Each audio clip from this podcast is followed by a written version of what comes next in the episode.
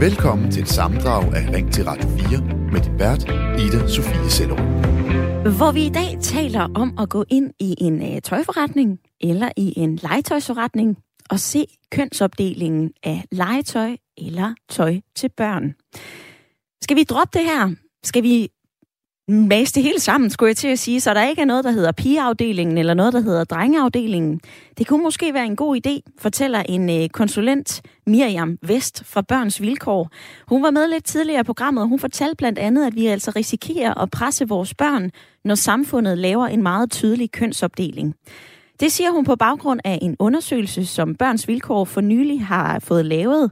Mere end 100 børn og unge er blevet interviewet om, hvordan det her det kan true deres øh, mentale sundhed. Og svarene er altså entydige. Børn og unge kæmper i dag for at passe ind. Rammen er snæver, mulighederne for at falde udenfor er mange.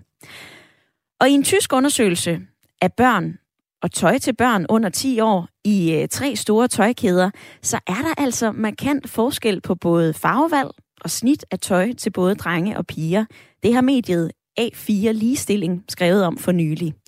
Eksempelvis så er shorts til piger kortere end shorts til drenge, og der er stor forskel på, hvilke billeder og ord, der er trykt på t-shirts til en dreng og t-shirts til en pige.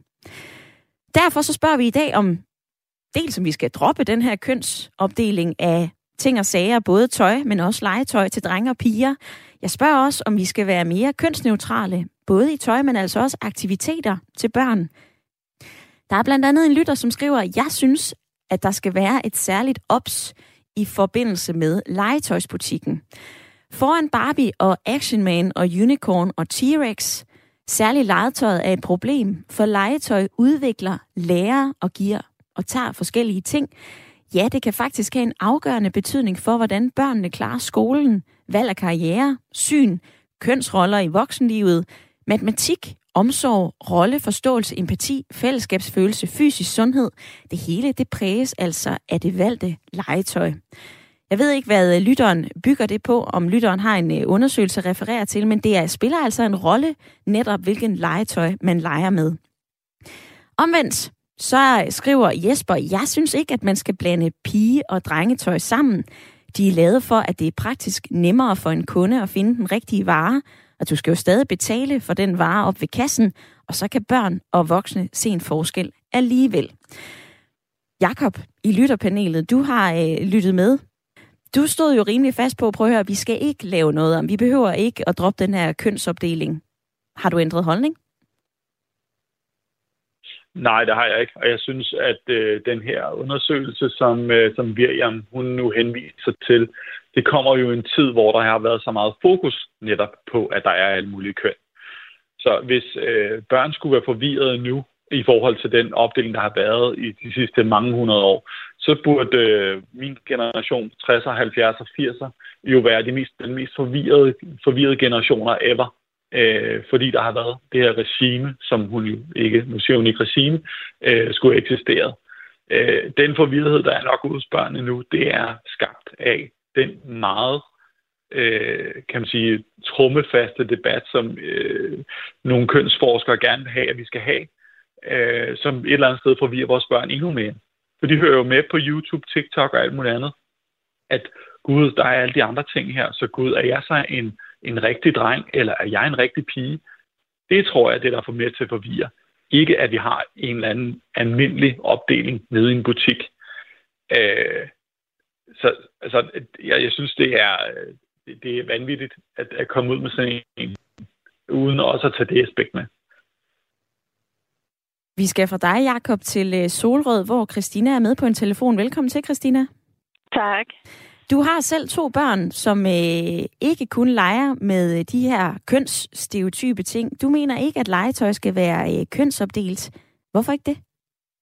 Jamen, fordi øh, øh, men nu det hedder, da min dreng han var mindre, jamen, øh, der gik han altid over i, i pigeafdelingen, og han fik lov til at vælge piger og legetøj, selvom der var bedsteforældre, der sagde, ej, men det kan du ikke lege med, fordi du er dreng. Men han fik det alligevel og fik lov til at lege med det. Øh, da han gik i børnehaveklasse, da han gik i anden klasse, der satte han hår på pigerne, og han lagde make-up og nejlagt på dem. Og, og min datter, hun har været Ligesådan omvendt, at hun har altid været en drengepige, leget med drengelegetøj, øh, kørt på traktor. Selvom hun også har fået videre bedsteforældre, jamen du er en pige, jamen så er jeg ikke nogen pige, har hun så sagt. Men hun har bare fået lov til at udvikle sig. Og det tror jeg, det er vigtigt, at det er børnene, selvom de er i en tidlig alder, synes jeg jo godt, at man kan give dem lov til som forældre, og så sige, nå jamen, hvis det er det, du har lyst til at lege med, så er det det, du skal lege med. Har dine børn mødt nogen øh, modstand i forbindelse med deres valg af legetøj, eller hvad de synes var sjovt? Ja, det har de. De har fået videre bedsteforældre, at øh, jamen, du er jo en pige, og du er jo en dreng, så det kan du ikke. Og så er de kommet hjem, og så sagt, selvfølgelig kan I det. Og hvordan var det for dig, Christina? Det var sådan lidt, det var ligesom om, at det var bedsteforældrene, der gerne ville bestemme, hvad mine børn skulle, og hvad mine børn ikke skulle. Men der har jeg jo så sagt, prøv at høre, de er børn. Det kan godt være, at de ikke er særlig gamle, men det er den måde, jeg mener, børn de udvikler sig på. Mm. Og både min dreng og min pige, de siger i dag, jamen havde vi ikke fået lov til at være dem, vi var, da vi var små børn, så er vi ikke sikre på, at vi vidste så meget om de forskellige ting. Mm. Omvendt, Christina, hvis du har lyttet lidt med i den her debat, så er der jo flere lyttere, som har gjort opmærksom på, prøv at høre, det her det er ikke noget, vi skal øh, rode med. Altså, det er jo ikke, fordi der er en to meter høj mur imellem øh, pigeafdelingen og drengeafdelingen i en, øh, i en legetøjsbutik eller tøjforretning. Hvorfor ikke bare, jamen, lad os fortsætte af den sti, vi går på nu? Jamen, jeg mener jo bare, hvorfor ikke bare blande det hele sammen, når børnene alligevel, øh, hvad nu det hedder, vælger det, de vil have. Altså, Christina, tak fordi at, øh, du var med på en telefon i dag. Det var så lidt. God dag. I lige måde. Du kan altså også ringe ind og være med, som Christina lige har været det, 72 30 44 44.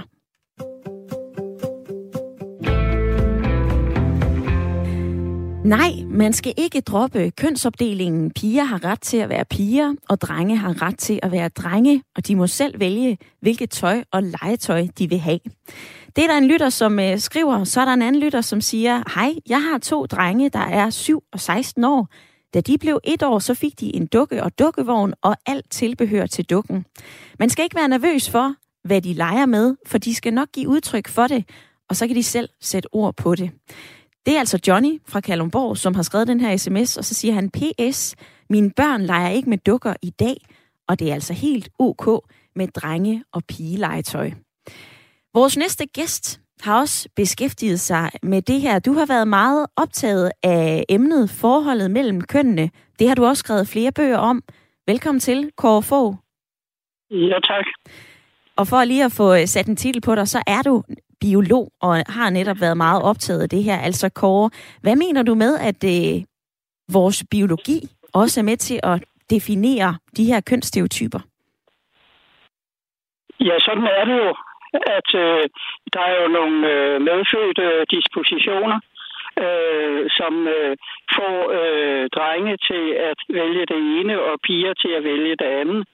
Det betyder ikke, at 100% af drengene vælger på en måde, og 100% af pigerne. Men altså, i gennemsnit er der væsentlig forskel. Øh, og øh, der er mange indikationer på, at øh, det er medfødte forskelle. Øh, det, øh, altså, man kan for eksempel øh, lave forsøg med øh, børn, der er så små, så øh, de endnu ikke ved, øh, at der er forskel på piger og drenge. Øh, man spreder noget legetøj ud på et gulv blandet mellem hinanden, øh, og så observerer man, hvad, hvad drengebabyerne selv vælger, og hvad pigebabyerne selv vælger.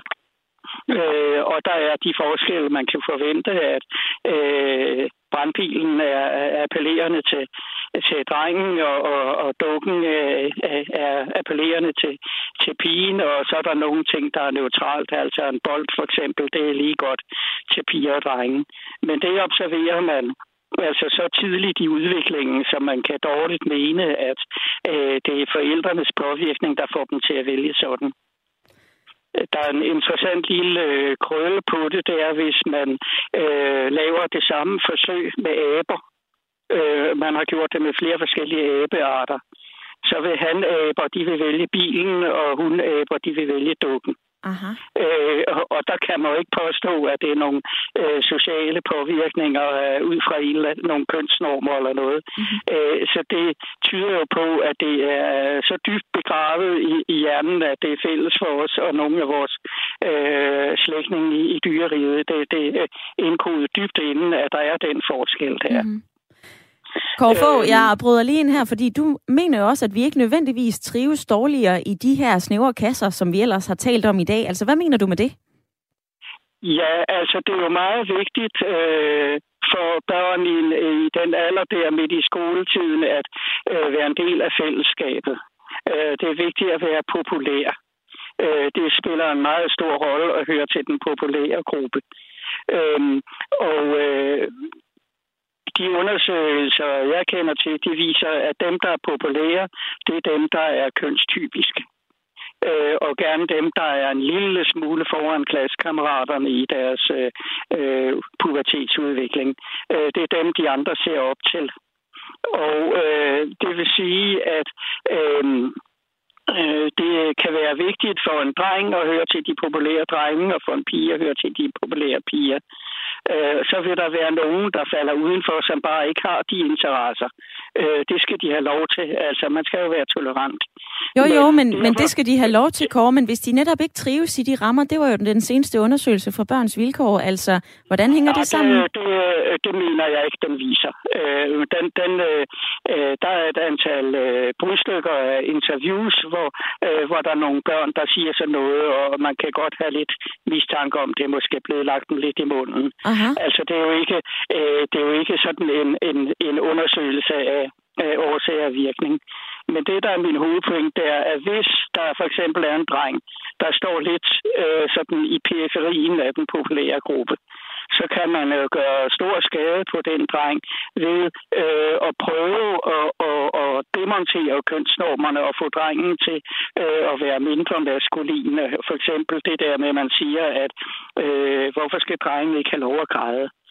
Jamen, hvis en, øh, altså, når øh, det er rigtig øh, øh, kan være rigtig skadeligt for en dreng, hvis han viser svaghed. Det indbyder netop til mobning, hvis han gør det.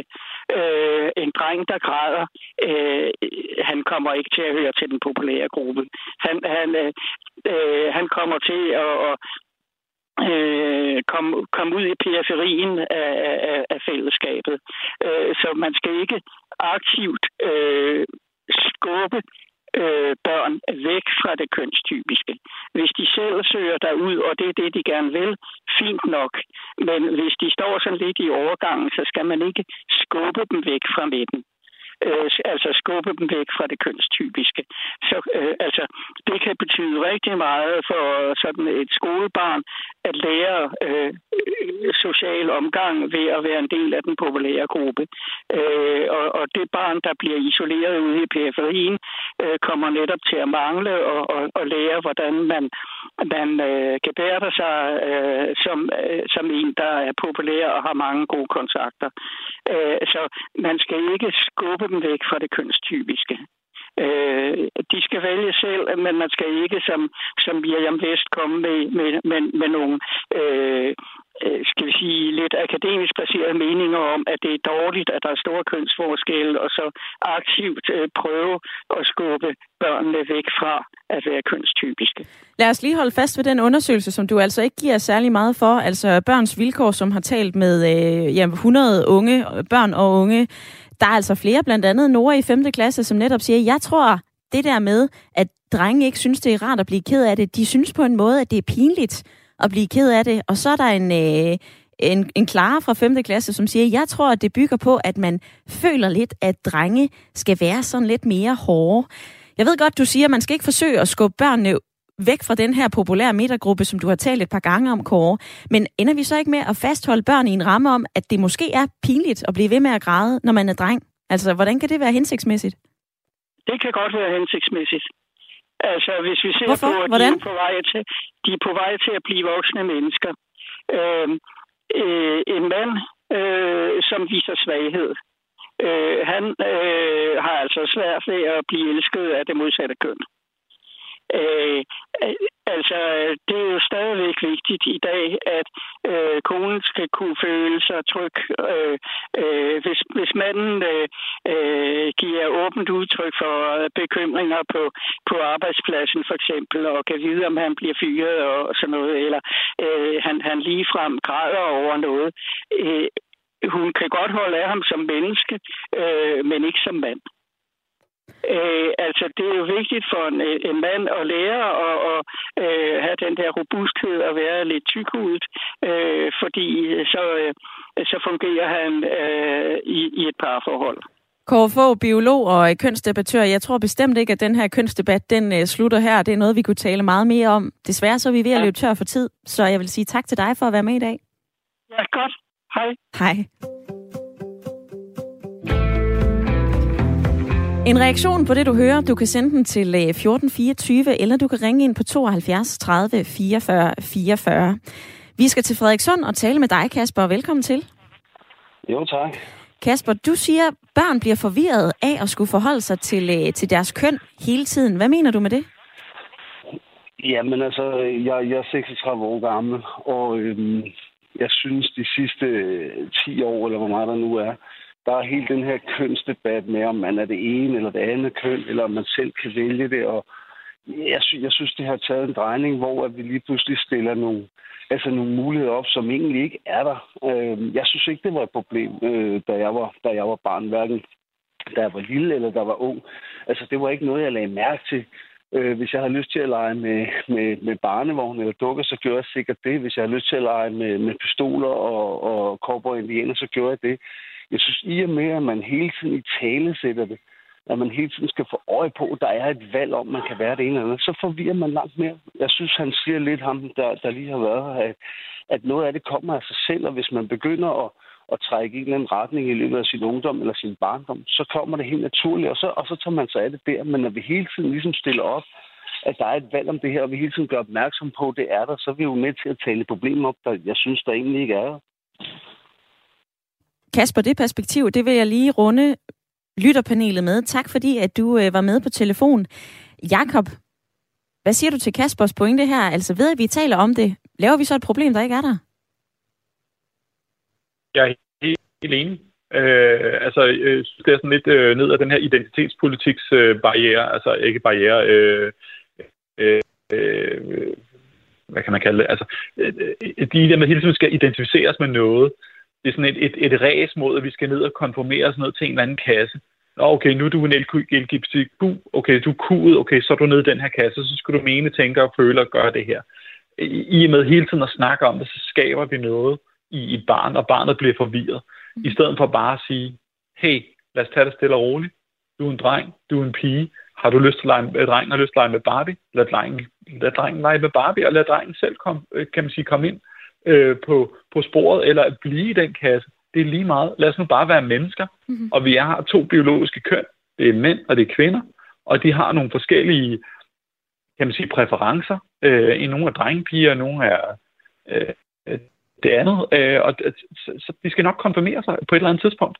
Øh, men lad os lade være med at tale så meget om det, og hele tiden se lene i lede efter markører, til at vi kan komme ned i en eller anden kasse, at nu så er det nok det her, og nu skal vi til at behandle dem på den her måde. Det kan jo bare være et lille flygtigt øjeblik i, et, i en dreng eller en piges liv, at de lige pludselig nu har lyst til at lege med, med fodbold eller med Barbie. Mm-hmm. Og fair nok. Men lad os nu lade være med at så sige, okay, nu har de det label og så kan de aldrig komme ud af den kasse igen. Det er da pissefarligt. Pissefarligt, får du lige sagt, Jakob. Det vil jeg høre Louise om, som er med fra Valby. Velkommen til, Louise. Hej, tak. Louise, du mener jo, at vi skal gøre op med de her kønsstereotyper. Det er noget, der er kulturelt bestemt. Hvad så, når, ja. du, øh, når du hører argumenter for at prøve at høre, hvorfor skal vi ændre ved det her? Vi forvirrer vel bare børnene ved at tale ekstra meget om de her øh, forskellige køn og kasser. Hvad siger du til det argument? At man kan jo sagtens argumentere for, at det vi allerede gør, det forvirrer børnene. Altså vi glemmer lidt i den her snak, synes jeg, at det er os, der har skabt de normer, vi lever under nu. Øhm, og, øh, og alt det her med, at nu er det synd for børnene, fordi at vi laver om på tingene, og nu bliver de forvirret og sådan noget. Vi har allerede gjort dem forvirret, og det kan vi jo også høre. De, de føler sig jo ikke tilpas nogen steder. Øhm, men mest af alt så handler det jo om, at det er os, der skaber øhm, kønnene. Øhm, og jeg blev lidt irriteret også på ham, biologen, der var der før. Og heldigvis er der andre biologer, som modsiger ham. Øhm, men det her med, at når du sætter babyer ned, så, øh, så er de biologisk disponeret for at vælge enten drengelegetøj eller pigelegetøj.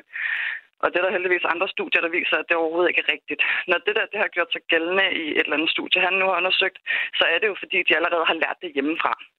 Fordi lige så snart, at vi får et penisbarn eller et vaginabarn. så begynder vi med vores forudindtagethed, med de normer, vi kender, øh, og reproducere det. Så med drengene, der skal det være vildt og voldsomt, og det skal være biler, og det skal være blåt tøj, og pigerne skal det være omvendt.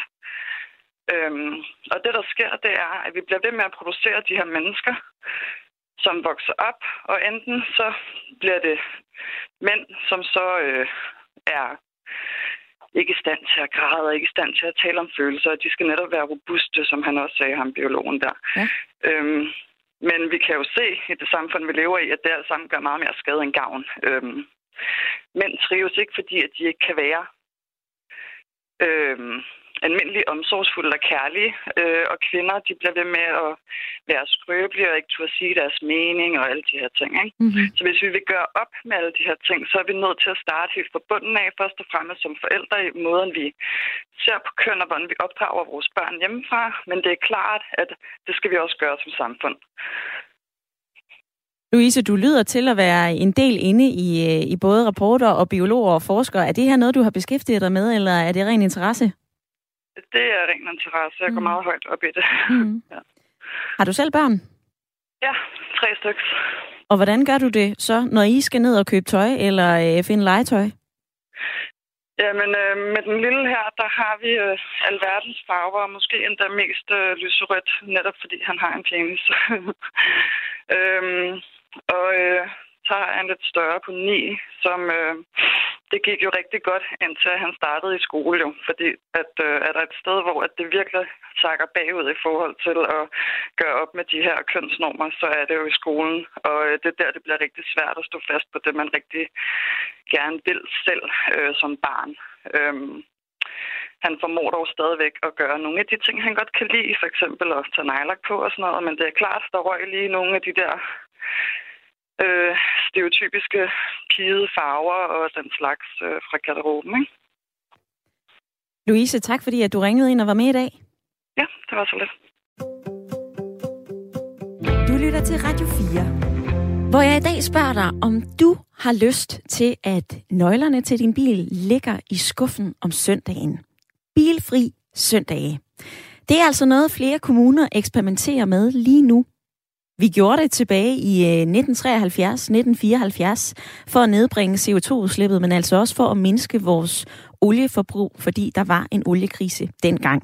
Lidt som der også er nu. Krigen i Ukraine gør, at oliepriserne er på himmelflugt, og derfor så er der altså flere, som ser på, hvordan vi kan begrænse både olieforbruget, men altså også skabe en lille gevinst i klimaregnskabet. Hvis vi lader bilen stå, så er det jo også godt for vores CO2-udslip. Derfor så har man blandt andet i Gladsaxe lige her den 18. september haft en bilfri søndag. Tidligere så har man gjort det flere gange på Nørrebro, og nu er bilfri søndag også blevet en del af Aarhus Kommunes budgetaftale. Præcis hvor stort et område, der skal være bilfrit om søndagen, det er altså stadigvæk uklart. Det er en forsøgsordning, men øh, der er flertal for den. Og hvorfor kan bilfri søndag være en god idé? Jo, vi kan jo mindske støjen det er en gevinst i klimaregnskabet.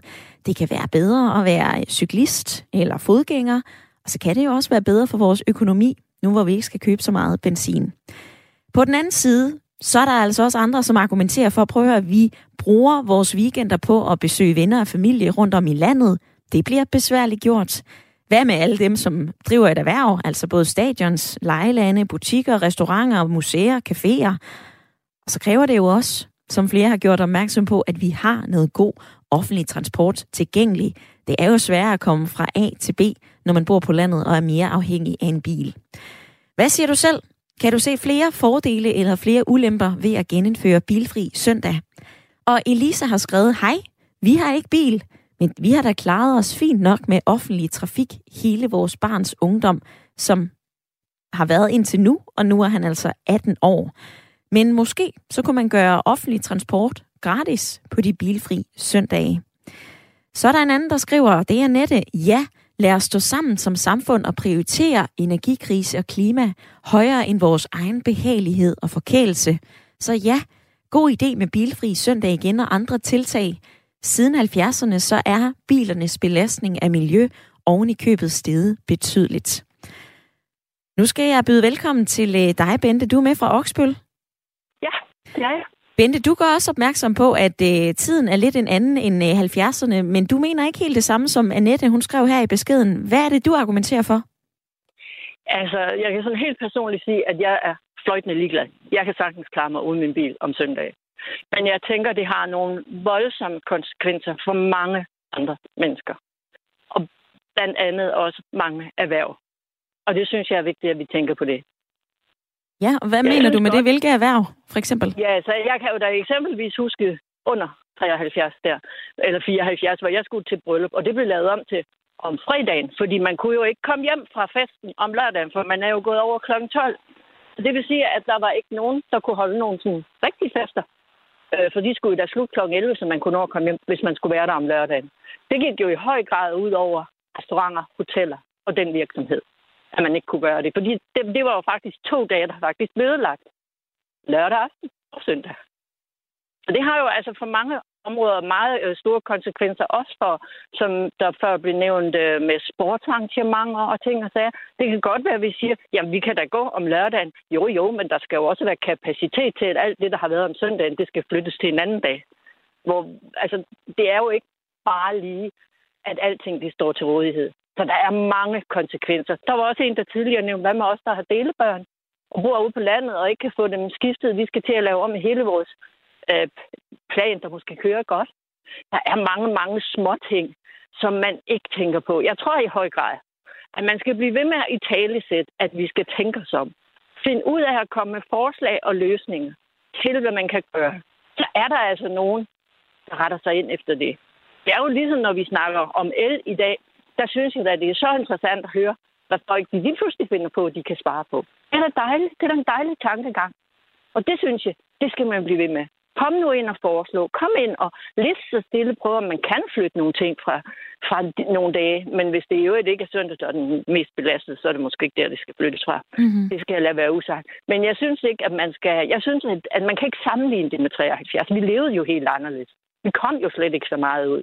Vi kørte jo ikke så meget. Altså, øh, det, det var noget anderledes. Så det skal vi i hvert fald ikke sammenligne os med. Man er nødt til at tage udgangspunkt i, hvordan lever vi i dag, og hvad vil det have af konsekvenser. Og jeg tror, det har mange flere konsekvenser på den øh, menneskelige del og på pengepunkten for nogle virksomheder, mm. end, end man egentlig står og tænker. Fordi jeg kan jo som sagt sagtens sige, luk da det ned om søndagen. Jeg kan da gå mig en tur, det er da nok for mig. Men øh, sådan tror jeg ikke, det hænger sammen alle andre steder. Bente, du nævner, øh, lad os nu komme med nogle forslag, lad os nu se på det her. Der er jo faktisk kommet nogle forslag fra det internationale energiagentur. De foreslog tilbage i marts, at bilfri søndag skulle være en del af 10 punkter, som øh, hele Europa kunne bruge på at øh, mindske vores brug af olie som følge af krigen i Ukraine. Altså de mente, at de her tiltag vi kunne øh, nedbringe den prisklemme, som flere af os oplever, altså der er svimlende energipriser, samtidig med, at øh, de her økonomiske skader, det kunne blive mindre. Vi kunne også begrænse Ruslands indtægter. Vi kunne bidrage til at skifte fra olie til mere vedvarende energiformer. Altså, der er jo øh, forslag nok, kan man sige. Er vi ikke jo, jo, øh, nødt jo, jo, til at gøre noget? Jo, men jeg tænker forslag til, at vi som personer, som enkeltpersoner, kan være med til at gøre noget. Og jeg tænker ikke i det store perspektiv, at jeg skal ind og forholde mig til, om det skal være det ene eller det andet. Men at man som enkeltperson kan finde ud af at få forslag til, hvad kan jeg gøre? Og det kan jo godt være, at når man så siger bilfri søndag, det kan jo godt være, at der er mange, der alligevel tænker på, mm, behøver jeg at køre her om søndagen? Behøver jeg det? Altså hele tiden få den der behovstanke ind. Og så se, om man ikke kan løse problemerne af den vej. Fordi jeg tror, det hjælper os et fokus på tingene. Det tror jeg. Det er stadigvæk der, hvor jeg tror, at det vigtigste øh, er at få, få fokus ned, så hver enkelt person også tænke, at det, jeg gør, det har også en virkning. Det tror jeg. Ordene der her fra... i det. Ja. Der kan gå sport i det. Hvem er bedst til at finde på et eller andet, ikke? Og, og jeg siger, det der med, at man så kører om søndagen, hvis man vil køre søndagsturen, så er der måske bare først, at man kører om lørdagen. And so what? Så flytter vi det bare. Mm-hmm. Der er gode perspektiver fra øh, Oksbøl Bente. Tak fordi, at du ringede ind og øh, gav dig selv til kende og fortalte det her, Karsten. Hvad siger du til ordene her fra Bente? Jeg synes, de er ret gode. Jeg synes, det er, jeg synes, det er rigtig godt. Men jeg sad, jeg sad og tænkte på, mens jeg hørte det, at, øh, at, at, at, øh, at altså det, jo, jeg synes, de der ord fra, fra, fra Oksbøl var gode. Øh, og jeg sidder og kan ikke rigtig blive enig med mig selv om, hvad jeg egentlig synes, øh, eller øh, finde ud af at formulere det ordentligt. Fordi jeg synes, det med søndag, det er en meget sjov gimmick. Men, men det er rigtigt nok, det vil jo gå ud over nogle, men det er jo ligegyldigt, hvad vi gør, så vil det gå ud over nogle. Der, hvor jeg tror, man skal sætte ind, det er den der enorme øh, privatbilisme, altså egoisme vil jeg hellere kalde det for. Jeg er jo selv en af dem i den i allerhøjeste grad.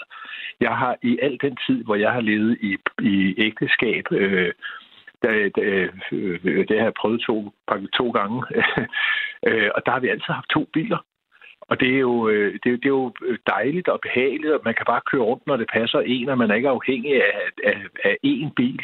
Men, men, men det, der ligesom, når jeg tænker over det, har gjort, at jeg rent faktisk har brugt en bil og kørt fra Nordsjælland og ind til København og siddet i køer, jeg ved ikke hvor mange gange, det er, at øh, transporten med det offentlige, den er så uregelmæssig og ustabil.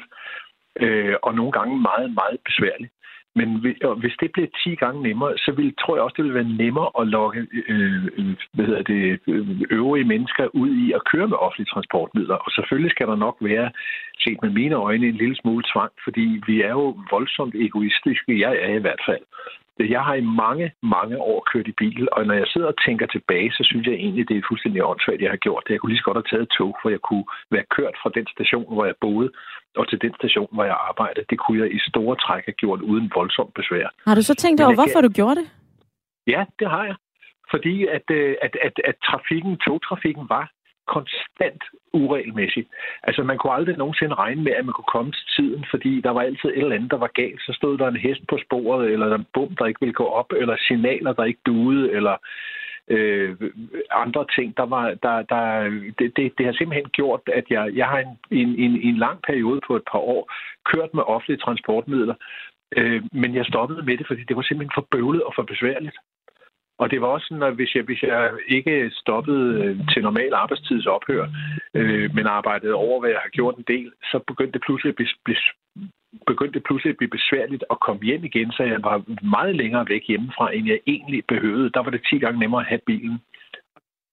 Carsten, jeg bryder lige ind her, for vi kan jo netop tale om dårlig offentlig transport herfra og til dommedag, skulle jeg lige til at sige. Vi taler altså om øh, bilfri søndag, og det vil jeg også gerne lige forholde lytterne til en gang mere. Hvis du sidder lige nu og lytter med og tænker, der er et perspektiv, som jeg sidder og brænder ind med, som jeg ikke har fået fortalt endnu, eller som jeg heller ikke har hørt andre byde ind med, så ring ind på 72 30 44 44, eller send en sms afsted til 14 24. Der er en lytter, som skriver, vi har faktisk ikke noget valg, hvad angår bilfri søndage. Vores benzin- og dieselforbrug er ekstremt højt. Det stiger og stiger, og det her, det går helt galt. En anden lytter skriver, jeg kommer aldrig til at respektere bilfri søndage. Jeg bor et sted, hvor offentlig transport er tæt på ikke eksisterende, og hvis jeg har behov for at besøge familie, handle ind, eller jeg skal noget andet, hvor transporten den er nødvendig, så bruger jeg altså min bil. Lytter til Radio 4, hvor vi i dag taler om et forslag, som regeringen præsenterede som en del af deres reformudspil i mandags. Nemlig forslaget om, at nogle offentligt kommunalt ansatte, altså for eksempel administrative medarbejdere på et rådhus, i stedet skal arbejde med mere borgernær velfærd. Regeringen har altså ikke en fuld liste over, hvilke medarbejdere i administrationen, der skal lave noget andet, eller hvad de i så fald skal lave. Men statsministeren sagde, at der ifølge hende er ganske mange i det offentlige, der har en uddannelsesbaggrund, som relaterer sig til velfærdssamfundet, men hvor deres arbejdstid ædes op af alt for meget kontorarbejde. Og lige om lidt, så hører vi fra Socialdemokrat, Socialdemokraternes indrigsordfører Birgitte Vind, der måske kan hjælpe med at afklare nogle af de spørgsmål, som jeg i hvert fald brænder ind med. Men ser vi på tallene, så kommer vi kun til at mangle endnu flere varme hænder. Alene når det handler om socioassistenter, så kommer vi til at mangle mellem 15.000 til 20.000 om bare 8 år. Og det er altså tal, som jeg har fra kommunernes landsforening. Speaking of, så er kommunernes landsforening imod det her forslag. De mener, at man udskammer de kommunalt ansatte, og man tegner et billede af, at de altså ikke gør dagens gode gerning og bare lige kan rykkes rundt. På sms'en så forholder I jer også til øh, emnet, og Tine fra Ense skriver blandt andet, Godmorgen, jeg synes det er en god idé, hvis der er tale om stillinger, der kan undværes i administrationen. Jeg er dog langt større tilhænger af, at faget skal gøres mere attraktivt. Både bedre løn, bedre supervision, bedre uddannelse med løn. En anden lytter gør opmærksom på, nej, der er ingen, der skal tvinges. Det er et barsk job, og det er ikke alle, som egner sig til det. Og det er jo ikke kun søde fru Jensen, du skal passe. Der er også udadreagerende borgere og psykisk syge. Og Nils, du er stadigvæk med i øh, lytterpanelet og er med fra Stubekøbing. Tidligere så hørte du fra øh, HK Kommunal næstformand Pia Lund Jeppesen, som sagde, prøv at høre, vi kan ikke bare rykke mennesker rundt som brikker i et ludospil. Har hun ret i det? Jamen, det har hun da ret i, men det er heller ikke det, man, øh, som jeg forstår det, ønsker at gøre. Og, og så vil jeg godt lige sige, at altså, der er mange til at fornemme, der har den opfattelse, at det skal gøres ved tvang. Det er der jo ikke nogen, der har snakket om på noget som helst tidspunkt, at nogen skal tvinges til noget, for det kan du ikke som ham, der lige var igennem før nyhederne, også sagde, jamen det er jo noget med, at man skal ansætte folk i en anden stilling, så derfor kræver det jo, at, man, at, at det øh, foregår via aftaler øh, og opsigelse fra det ene, og så overgår man en ansættelse i, i en anden jobfunktion. Øh, og, og værre er det ikke. Øh, men, men noget af det, der ligesom prikker til mig, at det hun sagde også, det er det der med, at folk uddanner sig til noget, og så er det det, de vil.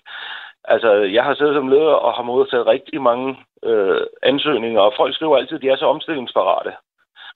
Øh, lige her synes jeg bare, at der er rigtig mange, der virker til, at man absolut ikke er omstillingsparat. Fordi sker der noget, og jeg ikke kan sidde i den samme stilling resten af mit liv, så er det ganske forfærdeligt lige pludselig. Øh, hvis, hvis, hvis hele arbejdsmarkedet ligesom var gennemsyret af det, en holdning om, at hvis øh, jeg har fået et job, så skal jeg have det til at, til at skabe graven.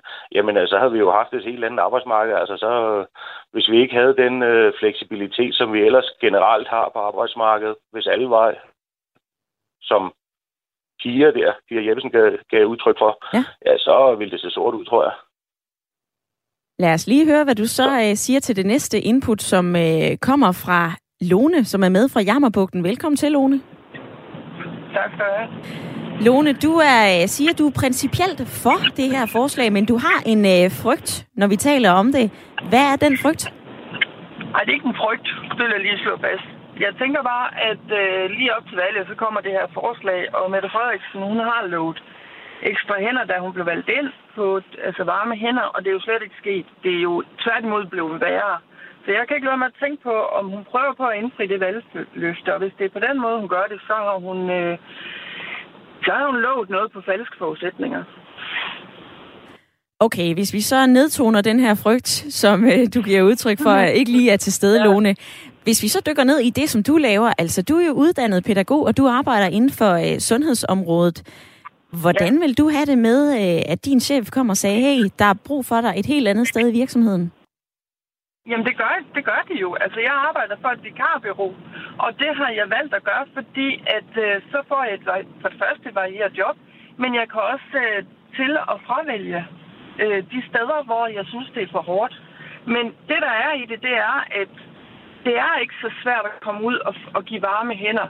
Hvis du som menneske kan smile med øjnene og smile med munden og tage i hånden og lidt på den frustration, der kan være over, at det er et nyt personale, ved du hvad, så har du faktisk vundet rigtig meget, så det er et rigtig dejligt arbejde.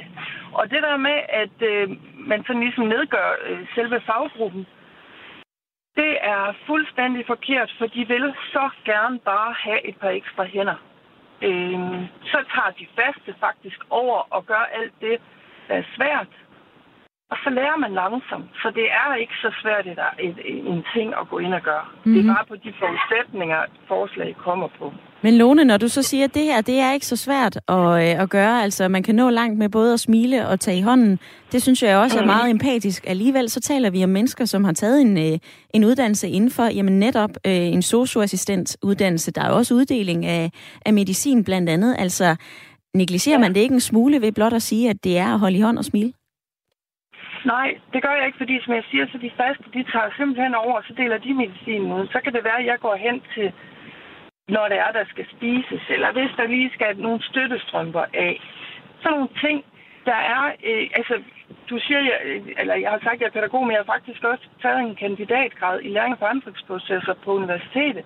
Men jeg går hellere tilbage til mit fag med mennesker, fordi det er faktisk der, jeg får allermest tilbage. Og de, de vil ikke føle, at det er at blive set ned. De vil bare gerne have de ekstra hænder, de er blevet lovet. De render stærkt. Lone, dit perspektiv vil jeg lige tage med videre til øh, Nils. Tak fordi du ringede ind. Nils, Lone fortæller her om mennesker, der løber stærkt, og som blot vil være øh, glade for netop bare at få nogle ekstra hænder til at lette den her byrde. Hvad siger du til ordene her?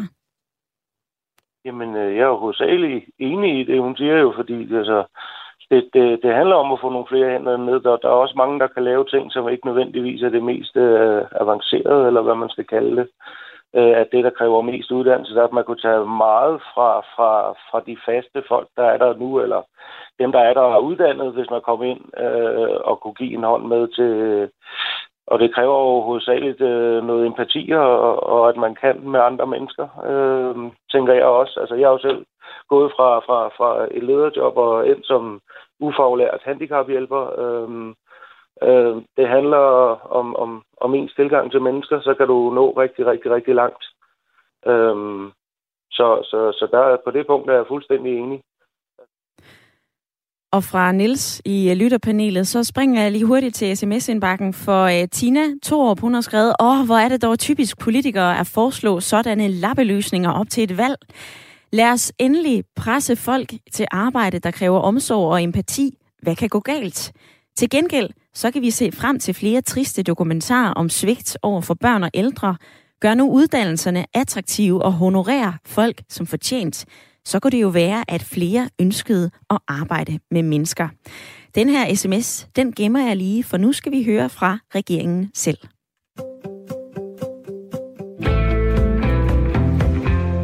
Jeg kan nemlig byde velkommen til øh, dig, Birgitte Vind. Ja, goddag indrigsordfører og kommunalordfører for øh, Socialdemokratiet.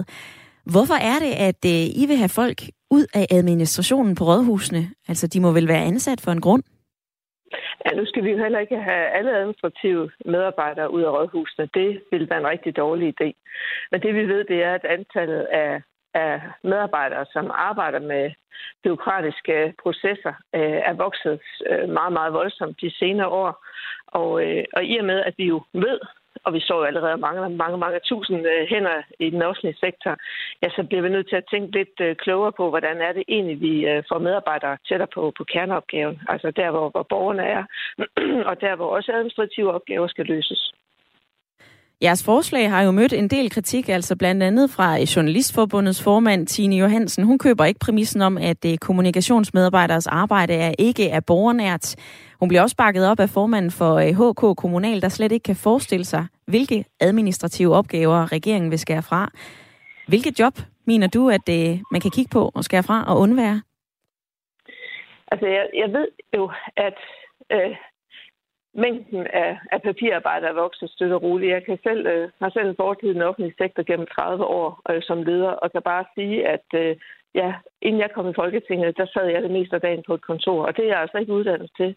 Vi har nogle fantastiske, dygtige HK, som er uddannet, uddannet til at føre administrativt arbejde, og, øh, og det er jeg ikke. Jeg er læreruddannet, og, og på det tidspunkt, så kunne jeg bare se, at jeg sad med nogle ting, som HK kunne lave meget hurtigere, end jeg kunne. Jeg var uddannet til at være ude ved børnene. Og jeg tror, at hvis vi tænker os rigtig godt om og kigger efter i sømmene ude i kommunerne, så vil vi godt kunne, øh, kunne se og finde nogle måder, hvorpå vi egentlig får, får brugt vores ressourcer bedre, end det er i dag. Jeg er så helt enig med, med vedkommende, der, der skriver det her med, at vi selvfølgelig skal forbedre uddannelserne løbende, og vi skal også se på folks arbejdsvilkår. Det er jo en, det er en bunden opgave, vi har, og derfor har vi jo også netop øh, kommet med det her reformudspil, hvor vi siger, at vi skal simpelthen have plads til mere nærvær, og vi skal give fagligheden tilbage til personalet. Mm-hmm. Det kan være til HK'en, det kan være til, til pædagogen og læreren. Øh, men, men vi har bygget meget byråkrati op ude i kommunerne, og det bliver vi nødt til at tage et opgør med. Mm-hmm. SMS'en her, du refererer til, øh, kommer fra Tina, men hun skrev før øh, det, du lige øh, hæfter dig ved her. Lad os da endelig presse folk til at arbejde med noget, der kræver omsorg og empati. Hvad kan gå galt? Altså, vi kan se frem til triste dokumentarer med svigt over for børn og ældre. Er der slet ikke en risiko for netop at rykke mennesker, som øh, måske ikke lige har den interesse eller den uddannelse ud i noget, som ikke er dem? Jo, det skal vi da ikke gøre. Altså, vi skal da, vi skal da tænke os rigtig godt om, som jeg sagde, så vi skal jo ikke tvinge folk til at tage et job, de for det første ikke har lyst til og ikke evner. Det vil da være øh, fuldstændig vanvittigt. Øh, vi bliver bare nødt til at se på, at vi mangler hænder i den offentlige sektor, og vi har øh, opbygget mange byråkratiske lag. Så derfor så vil det være nødvendigt, at vi kigger på, hvordan vi kan, kan omstrukturere nogle ting. Mm-hmm. Hvis vi så konkret ser på, hvordan det skal omstruktureres, jeg hører dig også sige af flere omgange, der er en hel del byråkrati øh, og papirarbejde derude. Har I en liste, eller helt konkret, hvem er det så, som skal blive tilbudt en anden stilling, og hvor skal de hen? I hvert fald i forhold til papirarbejdet, der er der jo allerede taget, i nogle kommuner har man jo taget nogle, øh, nogle store skridt. Så jeg hørte Sønderborg Kommune i sidste uge havde fundet, hvad der var 70 skemaer, som de egentlig godt mente, de kunne være, øh, selvom de så samtidig med løste øh, kerneopgaven for trinligt. Og vi skal også huske på, at rigtig mange HK egentlig også føler sig presset af byråkratiet. undskyld. Hvis du spørger en HK i dag, så tror jeg, de synes, undskyld, at de er rigeligt at lave. Undskyld, det var den der morgensus, jeg ikke har fået ud af halsen. Jamen ved du hvad, det er øhm. helt fint, Birgitte Vind. Du kan lige hoste af, så kan jeg bare øh, læse næste spørgsmål op. Altså, okay, vi er kommet det nærmere, der er flere HK'er. Du nævner også Sønderborg Kommune. Øh, altså, hvad så med sådan en uddannelse som for eksempel socioassistent eller øh, andet inden for, det kan være hjemmeplejen, altså det er jo noget, som tager flere år. Er du ikke bekymret for, hvordan hele framingen af, at, at det fag, det kommer til at være, hvis det blot er sådan, okay, du har arbejdet i det administrative, nu skal du bare lige over og hjælpe på et øh, plejehjem. Altså udskammer man ikke både dem, som sidder i administrativt arbejde, og negligerer man ikke også dem, som netop arbejder med det hver eneste dag? Det har jeg altså ikke hørt nogen sige, andre journalister, det du siger der. Altså, jeg tror ikke, det er i hvert fald ikke det, der ligger til, øh, bag regeringens intentioner, øh, at man bare lige skal sende nogen ud, der har en anden uddannelse. Det, det giver jo ingen mening. Men øh, vi bliver også nødt til at se på, om vi har nogle medarbejdere, som faktisk har flyttet sig væk fra det, de oprindeligt måske er uddannet til, over i noget administrativt. Jeg fik selv en mail fra en en ansat i den offentlige sektor, som sagde, at hun havde jo en faglig uddannelse, men i hendes kommune var de seks af hendes slags, som havde en sygeplejersk uddannelse, og i dag så beskæftigede sig med alt andet end borgerne. Øh, og det, det synes hun selv var tankevækkende, og den tanke har jeg ikke lige fået, og det er også kunne være en udfordring. Men jeg tror bare, at vi har fået bygget, øh, vi har fået bygget nogle systemer op, så vi har, øh, vi har mange øh, mennesker, der arbejder væk fra, fra øh, kerneopgaverne, som arbejder med administrative ting. Og vi bliver nødt til at spørge os selv, at det er en bunden opgave, kommunerne har for selv, skal vi simpelthen ikke løse øh, velfærdsopgaverne, og spørge sig selv, om, om vi skal se anderledes på det. Birgitte Vind, indrigsordfører og kommunalordfører for Socialdemokratiet. Øh, tak for din tid i dag, og øh, god onsdag. Ja, tak. Tak lige med. En besked til 1424 eller et opkald på 72 30 44 44 er den måde, du kan reagere på det, du netop har fået fortalt fra Socialdemokratiet. Annette, hun har skrevet, naturligvis kan og skal man ikke flytte mennesker rundt i den offentlige sektor med tvang på trods af uddannelser. Det er uanstændigt, det er ude af proportioner. I stedet må politikerne vel tage vare på, at det ikke er urimelig mange unge, mennesker, som øh, overuddanner sig i disse år. Så skriver Pierre fra Valby, jeg synes, det er en dårlig idé, at regeringen, som snart skal skiftes ud ved næste valg, man kan ikke bare flytte en medarbejder fra det offentlige fra en stilling, som for eksempel leder til at gøre rent på toiletterne. Det vil altså kun skabe utilfredse medarbejdere og tab, tab, tab situation. Hilsen Pierre, som lytter med fra Valby. Nå, Niels, nu kom vi måske lidt nærmere, hvad regeringen tænker sig med ordene her fra Birgitte Vind. Hvad siger du til dem? Jamen, øh, ja, det lyder jo bare som det, jeg også har tænkt, ikke? Altså med, at øh, der sidder jo muligvis nok nogle folk derude, som er rykket fra at, at lave noget, øh, hvad kan man sige, noget, noget, være, være, være de varme hænder, og så kommer til at sidde med en masse byråkrati og skemaer, og, og nu er jeg rykket helt væk fra, fra det menneskenære. Og øh, ja, hvis, hvis det er det, man, man, man påtænker, jamen, så, så er jeg kun blevet endnu mere for forslaget. At hvis det kan lade sig gøre, og man kan finde nogle løsninger til det, skære noget fra og få nogle af de der varme hænder tilbage, hvor de måske er egentlig uddannet til, men har flyttet sig fra, så lyder det jo som en fantastisk god idé. Der er en lytter, som øh, giver dig ret, Nils. Radio 4, det her, det er den bedste idé, jeg længe har hørt. Og så skriver Kasper en lidt længere besked. Han skriver, det er jo ikke et spørgsmål alene om, hvad man vil, men også om, hvad der skal bruges. Jeg er selv kommunalt ansat i flexjob i en kommune, men vejen dertil har været noget mudret. Og alle de konsulenter, sagsbehandlere osv., jeg har haft tilknyttet, er billedet med få undtagelser spild af penge. Og alle sammen, så bliver vi mødt af forskellige udfordringer i vores arbejdsliv, som kræver videreuddannelse og omskoling. Lad os nu bruge de gode hænder og kloge hoveder, hvor der er bedst brug for dem. Uanset hvad, så er det ikke vores allesammens problem at tilgodese den enkelte medarbejder i det offentlige.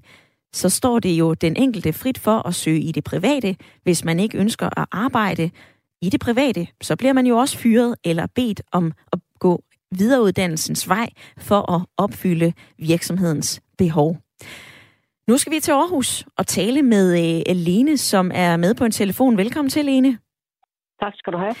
Du har selv arbejdet i øh, det offentlige sundhedsvæsen som øh, overlæge. Hvad mener du om det her forslag? Ja, jeg har fuldt udviklingen, fordi jeg næsten var 40 år i det offentlige.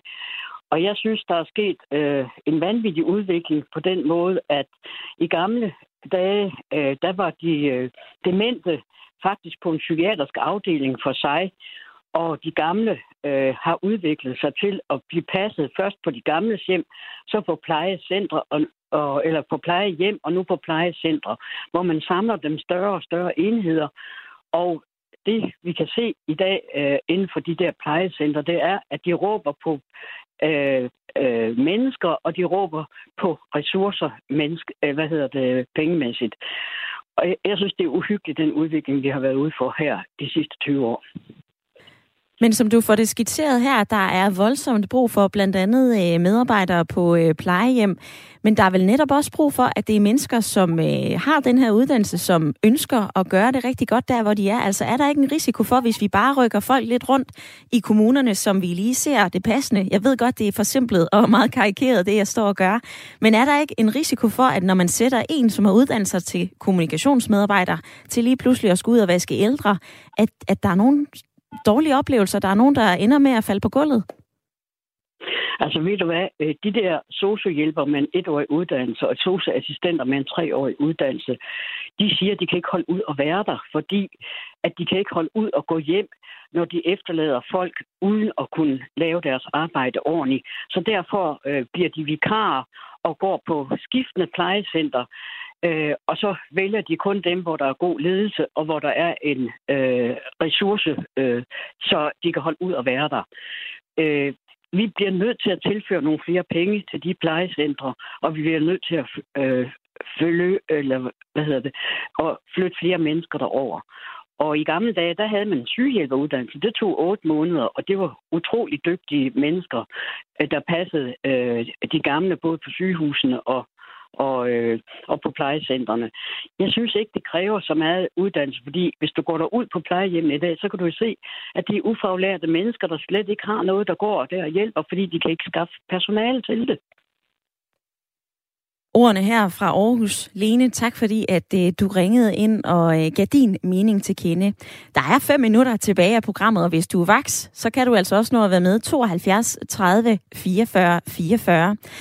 En lytter skriver på øh, sms'en, så er der jo ingen grund til at uddanne sig. Det her, det tager tid, og det tager altså en masse arbejde.